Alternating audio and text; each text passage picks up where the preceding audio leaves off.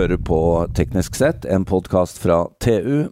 Jeg sitter eh, på Lerkendal gård sammen med Odd-Rikard Valmot. Hei, Jan.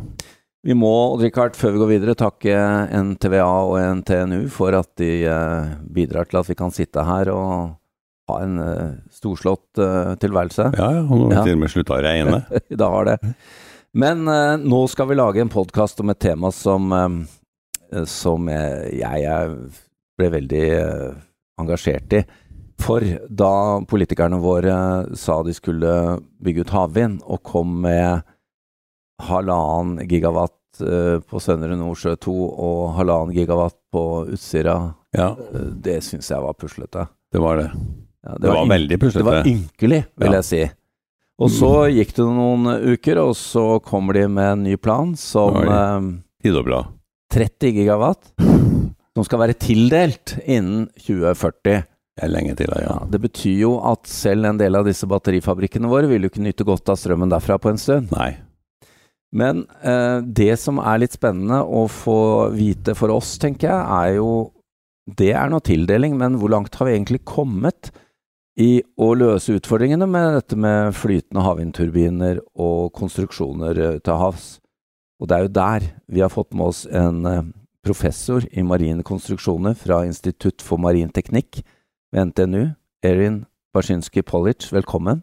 Takk, hyggelig å være her. Ja, du hører at Odd-Rikard er veldig spent nå på Ok, 30 gigawatt tildelt innen 2040, men vet vi hvordan disse store konstruksjonene skal bygges? Jeg tror ikke vi vet helt ennå. Vi er jo langt på vei, og vi, vi kan jo finne på å bygge noe som vil fungere. Ja, Det har man påvist ved Hywind eh, Scotland, Highwind Tompin og, og til og med Kinkardin. Men eh, at vi skal få ned kostnadene, forblir den store utfordringen. Utfordring. Og det er mye vi må løse for å kunne få ned kostnadene til et tilstrekkelig nivå. ja fordi det er jo ikke gitt at når uh, 30 gigawatt er ganske mye, men, Det men er det er jo det. ikke gitt hvor mange installasjoner det betyr. Fordi er det ikke litt sånn at uh, man ønsker å bygge størst mulig og med lavest mulig kostnad også her? Ja, og grunnen til at man vil ha størst mulig, turbiner, det er jo da slipper man å vedlikeholde Ah, dobbelt så mange ja. turbiner. Det er jo selvfølgelig en fordel. Og slipper også å bygge ut forankring og strømkabler til dobbelt så mange turbiner. Det blir jo bare litt grøvere dimensjoner på de enkelte. Ja, men vi ønsker også å få ned dimensjonene på hver enkelt turbin. Ja. Og det, det betyr at nå begynner vi å snakke om enorme konstruksjoner med, med store bevegelser. Eh, det blir fleksible konstruksjoner. Altså, dagens turbiner er jo fleksible, men plattformene er ikke det. Nei. Og det vi snakker om i fremtiden, det er både plattform og turbin og tårn. Alt blir eh, fleksibelt. Og da, da må vi virkelig ha kontroll på lastene som virker på den. Men hvordan er dette i dag, eh, Erin, når, eh, når, um, når en turbin blir eh, designet? Det, er det For det første, turbinen på toppen av eh, tårnet, den regner jeg med eh, er ikke så mye vi kan gjøre med her i Norge. Men vingene eller bladene da, og tårnet, blir det designet sammen, eller blir det designet sammen med understellet på en gang? Eller hvordan henger dette egentlig sammen? Per i dag så, så har man turbinleverandører som også leverer tårn. Ja, Siemens og andre. Ja, og det vil si at de sertifiserer tårn og turbin sammen. Ah. og sier eh, ja, du skal bygge understell til dette. Eh, vår, vårt tårn og vår turbin tåler så mye i, i vinkel og i akselerasjoner, og du må lage en plattform som eh, kan eh, støtte det. Men kan du da på en sånn sertifisering tårn og turbin velge deg forskjellige typer blader, da, eller? Ja, du kan velge forskjellig type størrelse på, på turbin. eh, og Ja, det- på tårnet, ja. Uh, Men på tårn så er det, det er ikke så mange å velge fra. De har ikke noe insentiv per i dag å lage flyttende tårn. For det er ikke nok Det er ikke noe marked, nei. Ikke noe marked ennå. Men det er jo bare et rør. Altså, tårnet. Det, det er bare et rør. Og hvis vi designer det sammen med, med understell, så har vi sett at vi kan faktisk lage både billigere tårn og billigere plattform. ja. Bare at vi må fordele stålet på, på en annen måte. Og nå er du inne på hva vi i Norge faktisk har kompetanse på. For vi har vel ikke så mye kompetanse på turbiner nødvendigvis, og, Men, men hvis vi kan se tårnet sammen med understellet, og i hvert fall på flytende, så har vi jo en del å Da, fare med. da har man uh, store fordeler å, å lage dem sammen, og Ja. bruke den kompetansen som fins fra uh, oljeindustri og maritim industri. Uh, det syns jeg Så eh, sånn foreløpig så kan jo vi konkludere da med Odd-Rikard med at tårnet, hvis det ses sammen med plattformen, eh, så kan er det det- bli en norsk industri. Ja. Turbinene er det vel eh, GE og Siemens som uansett er størst på. Og Vestas. Uh, og Vestas, ja. Uh, så er det snakk om vinger eller blader, da. Det er vel også litt utestående hvorvidt vi kan få en industri i Norge på, kanskje. Ja, det, det er mest Jeg tenker på det sammen som turbin, da. Ja, Det hele ja, rotoren. Ja, riktig. Ja, det er en del av turbinen, ja. Men eh, når det kommer til det jeg har skjønt som er en stor uh, faktor her, er jo dette med vedlikehold. Og der er vi jo store på offshore. Uh, det burde vi kunne få ta en rolle på, da. Det syns jeg absolutt. Og om det blir at man sender personer ut til turbinene i fremtida, eller om det blir automatisert, uh, eller om vi faktisk klarer å lage turbiner som trenger mindre vedlikehold, da er det mye man kan eh, tjene på, eh, og gjøre litt bedre i fremtida. Ja, for det er en del år til det her kommer i drift, tenker jeg. Men når, når ser man for seg First Power, da? Når kan vi skru på en hav, havturbin i Norge? Ja, det, det må nesten være Eller, vi har jo hatt First Power, Ja, hvis ja. man tenker på den måten, men, Men, eh, øh, hvis vi tenker Utsira nord, så, så ser vi det ikke før om fem-seks år, tror jeg. Ja. Men det, det kan komme fortere hvis uh, man får prosessene. Ja, vi står jo klar med elbilladeren eh, i hånda begge to, vi. Ja, jeg vil gjerne ha havvind, eh, flytende havvind på, på bilen min. Da går den mye bedre. Men eh, jeg, jeg, jeg tenker litt på det du snakket om vedlikehold. Hva, hva, hva er egentlig Dette kan jo jeg ingenting om, som så mye annet, men hva, hva er intervallene på vedlikehold på en sånn installasjon? Det er jo forskjellige måter å, å, å gjøre vedlikehold på, men det sies ofte at i snitt så må man besøke Tsjibiden omtrent fire ganger i året. Ja, Kvartalsvis, ja. Ja, men mye av det er bare at noen må gå inn og sjekke Ja. at ting er eh, i god stand. Kanskje man må smøre, eller sjekke oljenivå og sånne ting. Det- Men Det høres ut som mye av det her kan automatiseres. mye av det her bør kunne automatiseres. Ja. Og da, da slipper man å komme med båt, eller helikopter for den saks skyld, og besøke hver eneste turbin så mange ganger i året. En ting jeg har da forstått, er at uh, hvis man lykkes med en, uh, og en effektiv, flytende uh, plattform, så kan den eh, i en stor grad standardiseres. Mens bunnfast eh, havvind, så er du veldig avhengig av både bunnforhold og dybde og alt sånt. Er det, er det riktig? Jeg, syns det er en stor fordel for flytende, Ja. at, at flytende turbiner at vi kan lage samme plattform og Ja. gjenbruke den, ikke bare i én park, men i flere parker rundt omkring i verden, sannsynligvis. Mens innenfor én en enkelt bunnfast park, så har du mange forskjellige design som både må lages og analyseres før, før de settes ut, Ja. hver for seg. Fordi det vi må huske, er jo at de store prosjektene i dag er jo hovedsakelig bunnfast, er det ikke det, til havs? Det er det. Ja. Det er eh, noen få eh, prosjekter nå. Eh, Equinor var jo den første ute i verden med, med en park, men da er det bare fem turbiner, så det er ikke Mm. en stor park. Mm. Eh, de kommer med Hywind Tampen snart med med elleve turbiner, og så har de også Principal Power som har eh, 50 gigawatt utenfor eh, Skottland. Hva slags eh, effekt er det på de Hywind Tampen? På Tampen så er det 8 megawatt per turbin. Ja. Ja. Og når vi skriver 2040, så burde vi være på Jeg håper at vi er opp mot 20 megawatt. Det er vanskelig å si eh, hvor høyt eh, dette her kommer til å gå. På et eller annet sted så, så vil det være en stopper. Um, når turbinene blir større, så blir lastene fra egen vekt såpass store at du ender opp med å designe bladene mot det, i stedet for å Ja. designe mot aerodynamiske laster, Ja. faktisk. Ja, riktig.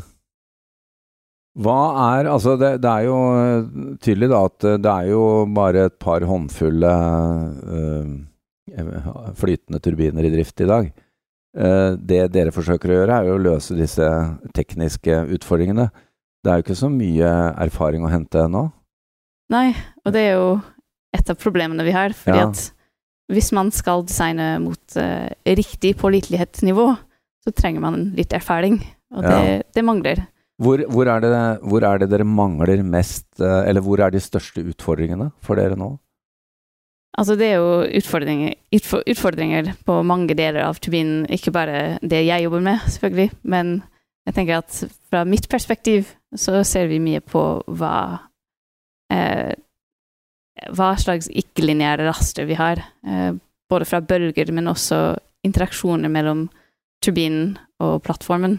Ja. Eh, dette her er, er noe som vi ofte kaller for erohydroservoelastisk. Du har jo et system som har aerodynamiske laster, selvfølgelig på både eh, bladene og tårn. Du har hydrodynamikk, som virker på plattformen. Du har et reguleringssystem um, som kan endre vinkel på bladene eller eh, effekt fra, fra generatoren. Og hvis jeg f.eks. ser en endring i vindhastighet, så vil reguleringssystemet gjøre en endring. Så vil den endringen påvirke lastene fra aerodynamikk, som vil påvirke bevegelsen, som vil da påvirke hydrodynamiske laster. Og hele systemet er veldig koblet sammen. Ja. Så vi, vi trenger noen modeller som kan håndtere alle disse feltene.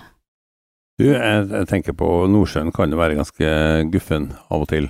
Ja. Når den såkalte 100-årsbølgen kommer og treffer en sånn flyter eh, med en 20 megawatt eh, turbin på toppen, Ja. generator, hva, hvordan kommer det til å gå? Eh, Det er et godt spørsmål. Vi, vi prøver å finne ut hvordan det skal gå. Det kommer an på, på selve plattformdesign, selvfølgelig. Det kommer an på er turbinen hva, hva slags vindforhold har vi samtidig som den bølgen kommer? Ja, Fordi da kan vi være i forskjellige operasjonelle tilstander. ja, Og en turbin som ikke snur, snur rundt, har en annen virkning når det gjelder dempning eller Ja. strekk i forankringslinjer osv. enn en turbin som er i operasjonell tilstand. Så da må vi prøve å, å, å eh, simulere alle mulige eh, kombinasjoner som kan oppstå sammen med den 100-årsbølgen. Og så må vi bestemme oss hva vi ønsker å designe mot. Ja. Ønsker vi å designe mot at det skjer av og til at vi mister en turbin? ja Er det et så stort problem? Det er ingen om bord, og det er ingen forurensning. Vi kommer ikke til å ha oljelekkasje hvis en turbin går rundt. nei. Eh, Og hvis vi kan spare mange millioner på å tillate at det blir eh, feil litt oftere, Ja, burde vi gjøre det? Det er det er et kjempepoeng. Her er det jo ikke mennesker involvert eh, til daglig eller underveis. Så det, det der er jo en uh, utrolig viktig. Da blir det litt mindre strøm på land, Odd-Rikard, i en periode. Men det kan jo være verdt det. Å la den legge seg, f.eks., eller et eller annet. Ja og et annet spørsmål er da, er det mulig å snu en turbin som har tippa, med en så svær eh, og tung nacelle og turbin? Du vil selvfølgelig få vannskader på noen deler, Ja, ja, Ja. klart. men å få den rundt, det tror jeg at eh, Hvis du skal få, først kunne få den ut til havs, så tror jeg at du også kan få den, få den rundt. Det noen store Ja. kranskip til. Ja, men her er du også inne på noe, Eirin, eh, som eh, du snakket om litt før sending, nemlig at i Norge så har jo vi lagd eh, offshoreinstallasjoner som stikker ganske dypt, og som vi har slept relativt kort avstand ut til feltene der de skal produsere. Dette kan vi gjøre også med, med flytende vindinstallasjoner, men da er det ikke sikkert at de er så eksporterbare, for det er ikke alle som har dype fjorder og kort vei ut til der hvor de skal virke. Det er jo dypt vann hele veien eh, Ja. dit. Ja, Og så koster det noe å taue en eh, turbin oppreist med de lave hastighetene du skal ha. ja. Eh, det tar lang tid, og det tar eh, båter og ja, Det er ikke noe du selger til eh, Korea. Asia? Nei, nei det, jeg tror ikke det. Nei. Så de turbinene som, som har blitt laget på den måten, f.eks. Highwind eh, Skottland, det er type Spar-plattform som, eh, som går veldig dypt, men eh, vi ser at det er mye utvikling på semisub-type som, som ikke har så stor dypgang. Ja, riktig. Mer plattform-type. Mer plattform-type, ja. Mm. Eh, ja, Erin uh, Baczynski Polic, uh, vi må bare takke. Dette er jo kjempespennende, Rikard. Ja, det er det. Altså, vi, vi, vi, trenger det sårt, altså. Hvis vi skal avkarbonisere Norge. Ja, vi gjør det. Her er en stor industrimulighet. Det gjør det også. Lykke til i arbeidet videre. Takk til deg, takk til Odd-Rikard Valmot, og mitt navn er Jan Moberg.